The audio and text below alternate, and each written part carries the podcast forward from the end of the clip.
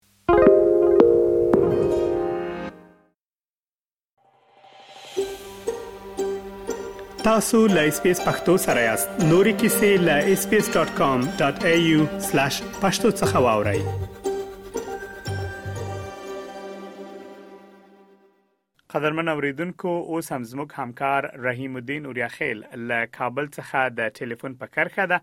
له هغه څخه به په افغانستان کې د ورستیو پیښو د جزئیاتو په اړه واورو خغلی اوریاخیل ډیر زیاته مننه مهرباني وکړه په پایل کې له اوریدونکو سره د ورستیو پیښو جزئیات شریک کړه مننه خغلی منیب صاحب سلامونه تاسو ته او د پښتو خبرونه ټول اوریدونکو ته خغلی منیب صاحب روستي جزئیات په افغانستان کې چې دی هغه یو د بشري حقوقو څار سازمان تازه ویلي چې د طالبانو د ناسمو تعلیمي تګلارو لامل افغانستان کې د هلکانو ښوونځي لمات سره مخ دي دویمه موضوع هم د افغانستان لپاره د امریکا د ځانګړي استاد ټام ویسټ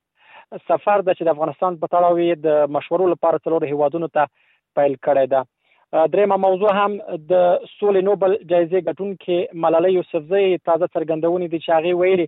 افغانستان کې د طالبانو حکومت انجلیتوب غیر قانوني ګرځولی او وروستۍ موضوع هم د بخښنې نړیواله ټولنې راپور ده چې د جرمونو نړیواله محکمې غوښتي چې په افغانستان کې د شویو جرمونو په اړه پلټنو ته لومړیتوب ورکړي ښاغلی اورخیل تاسو د ټام ویسټ سفر ته اشاره درلوده که مهرباني وکړئ او جزئیات شریک کړئ چې ټام ویسټ کومو هیوادونو ته سفر پیل کړی دی او د ده د سفر په اړه راپورونه څه ښیي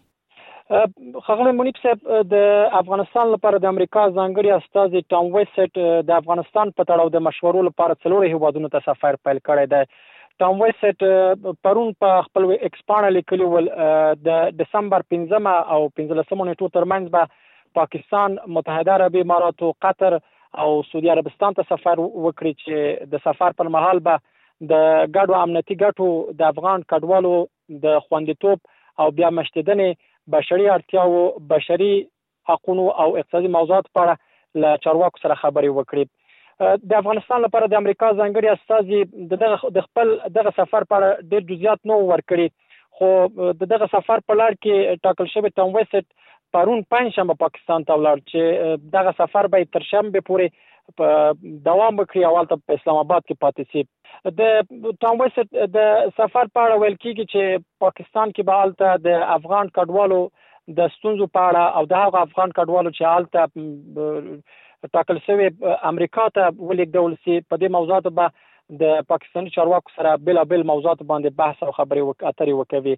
ویسټ داسې مهال د افغانستان په اړه د سیمې هیوادونو ته لس ورځنی سفر پیل کړی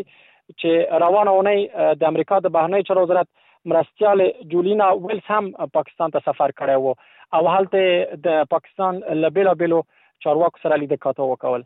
ښاغلی ورخیل تاسو اشاره درلوده چې د بشري حقونو د څار سازمان یو راپور خپور کړی دی او په دغه راپور کې د ښځو د تعلیم ترڅنګ د هلکانو د تعلیم مسلې ته هم اشاره کړې ده. مهرباني وکړئ په دې اړه هم جزئیات له اورېدونکو سره شریک کړئ. ښاغلی منیر صاحب، د بشري حقونو څار سازمان د ډسمبر په شپږمه د هلکانو ښوونځی هم له ناکامۍ سره مخ دی تر سرلیک لاندې یو راپور خپر کړ چې په هغه کې راغلي ول، په تعلیمي برخه کې د طالبانو د ناسمو پالیسیو زیان د نجونو ترڅنګ هلکانو ته هم رسیږي د بشري حقوقو څار سازمان راپور کې راغلی ول د طالبانو لخوا د خزینه زده کوونکو له دندې لرې کول له افغانستان نه د متخصصو استادانو وتل په تعلیمي نصاب کې ناسمو بدلونو او بدني سزاګانې هغه لاملونه یاد شوي ول چې له امله یې د زده کړو کیفیت لویدلی او ترڅنګ یې په ښوونځیو کې د نارینه زده کوونکو غیرحاضري ډېره شوې ده. راپور کې زیاته شوې وه چې طالبانو ډېری ښځینه ښوونکي له دندو لرې کړي چې له کابل یا غیر مسلکي ښوونکي دوی ته درس ورکوي او یا هم له ښوونکو پرته په ټولګیو کې کینی د بشري حقوقو څار سازمان دا راپور البته په کابل بلخ هرات فراه پروان بامیان ننګرهار او دایکندي کې له 22 هلکانو او د پنځو زده کوونکو له کورنۍ سره د مرکو پر بنسټ چمتو کړی و راپور کې دغه سازمان په افغانستان کې د جنونو لپاره د ښوونځیو د بیا پرانستلو او بیا کیفیت زده کړو ته د الکانو درسلسي غوښتنه کړې هم و د طالبانو حکومت بیا د بشري حقوقو څار سازمان دغه راپور رد کړ او وی ویل چې دوی د پوهنې او لوړ زده کړو برخو ته زیاته توجه کړې او ځانګړي بودجه ورته اختصاص کړې ده البته که څه هم طالبانو تر دې دمه د نجونو او ښځو د زده کړو بندیز د باید رسیدو په اړه کومه کره نیټه نه ده بډاګه کړې خو خغلی منیس صاحب طالبان تل دا ټینګار کړی ده چې پر نوی نصاب کار روان دی او ښایي دغه ستونزه ژر تر ژره حل شي. ښاغلی اوریاخیل تاسو په پیل کې وویل چې د بښنې نړیوال سازمان غوښتنه کړې ترڅو په افغانستان کې د جرمونو پلټنه وشي. پوښتنه دا ده چې د دوی غوښتنه د کومو جرمونو په اړه ده؟ آیا هغه جرمونه چې په تیرو دوو لسیزو کې د جمهوریت پر مهال تر سره شوي یا هغه جرمونه چې د جمهوریت له سقوط وروسته د طالبانو د واکمنۍ پر مهال تر سره شوي دي او په اړه یې په رسنیو کې راپورونه خپریږي؟ ښاغلی منیب صاحب د بخښن نړیوال سازمان د جرمونو نړیوال محکمې په افغانستان کې د طالبانو له بیا واکمنېدو مخکې البته دوه لسیزو کې چې کوم بېلابېل خوا او لخوا دا ادعاوې شوې وې چې جرمونه ورسره سوي په اړه د پلټون لومړیتوب غوښتنه کړې ده بخښنې نړیواله ټولنه یا د بخښنې نړیوال سازمان دغه غوښتنه د جرمونو نړیواله محکمې کلنۍ غونډې پر مهال وکړه کوم چې روانه اونۍ د دوشنبه په ورځ نیویارک کې پیل شو چې د دسمبر تر 14 به روانه وي د دغه ټولنې استاذو وویل چې د جرمونو نړیواله محکمه باید د افغانستان په اړه پلټونه کې چې تر اوسه د شوی پرمختګ په اړه معلومات وړاندې کړي او د هغو قضایاو د څرنګوالي لوی ټکی هم روښانه کړي چې چې د غور لاندې دي دغه غونډې ته په خبرو کې په سویلي اسیا کې د بخښن نړیوال ټولنې سیمایز مشر سیمټری سنگ ویل اړتیا ده د افغانستان کې شوی جرمونو د قربانیانو په حق کې انصاف وشي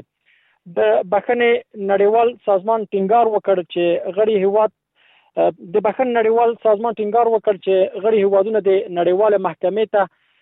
افغانستان کې د شوی جرمونو په اړه د څېړنو لپاره امکانات برابر او ورسره مرسته وکړي د بخښنې نړیوال سازمان دغه راپور ته په خبرګون کې تر اوسه طالبانو څه نه دی ویلي خو لدې وړاندې د دوی لخوا پر شوی پر بشري حقوقو تیرای او د جنگي جرمونو ترسره کول رد کړي دي. په افغانستان کې د ایس بي ایس پښتو راډیو خبریال ښاغلی رحیم الدین وریاخیل ډیر زیاته مننه چې د وروستیو پیښو په اړه مو له اوریدونکو سره جزیات شریک کړه.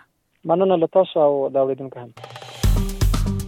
که غواړئ دغه سنوري کیسې هم او رینو د خپل پودکاسټ ګوګل پودکاسټ یا هم د خپل خاكي پر پودکاسټ یو اورئ